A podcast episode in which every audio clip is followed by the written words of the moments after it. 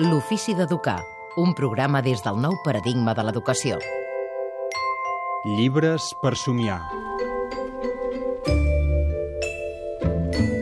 Avui, als llibres per somiar, el Jaume Centelles ens ha, porla, ens ha portat un llibre eh, que es diu El sembrador d'estrelles del Rodolfo Del Hoyo i que comença d'aquesta manera. Cap amunt, cap avall, cap amunt, cap avall, cap amunt, cap avall. He tancat els ulls perquè si els obro, l'habitació es mou.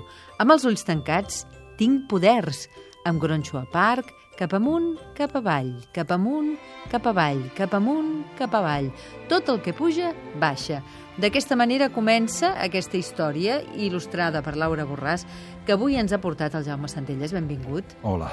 El sembrador d'estrelles, una gran novel·la d'una editorial que jo no coneixia, que es diu Mosaics, i que explica la història d'un nen, que aquest que, que tu has llegit, cap amunt, cap avall, que té un desig molt gran, i és que ha mort el seu pare i ell vol tor que torni a viure.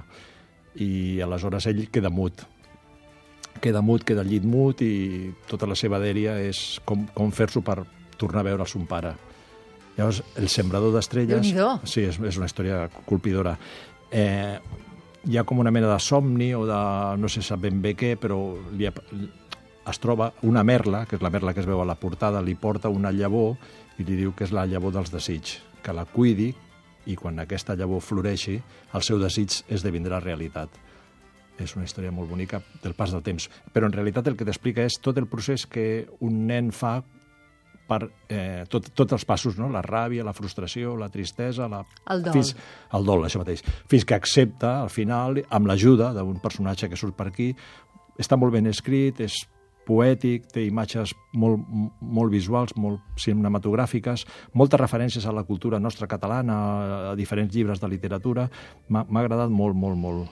Per molt, tant, molt. un llibre per assajar la pèrdua. Sí, però és optimista, és positiu i sobretot, sobretot, no, no voldria explicar-ho, però el títol, El sembrador d'estrelles, és al final esbrines què significa, que té a veure amb una escultura que hi ha a Vilnius, a Lituània, una escultura una estàtua que hi ha al carrer que és una meravella, que té una màgia, que té un misteri que al final no és que t'ho expliqui, però tens la necessitat de buscar-ho a, a través de la xarxa què passa amb aquella escultura del sembrador d'estrelles. Rodolfo del Hoyo, El sembrador d'estrelles, il·lustrat per Laura Borràs. Un llibre a partir de quina edat? Cicle superior.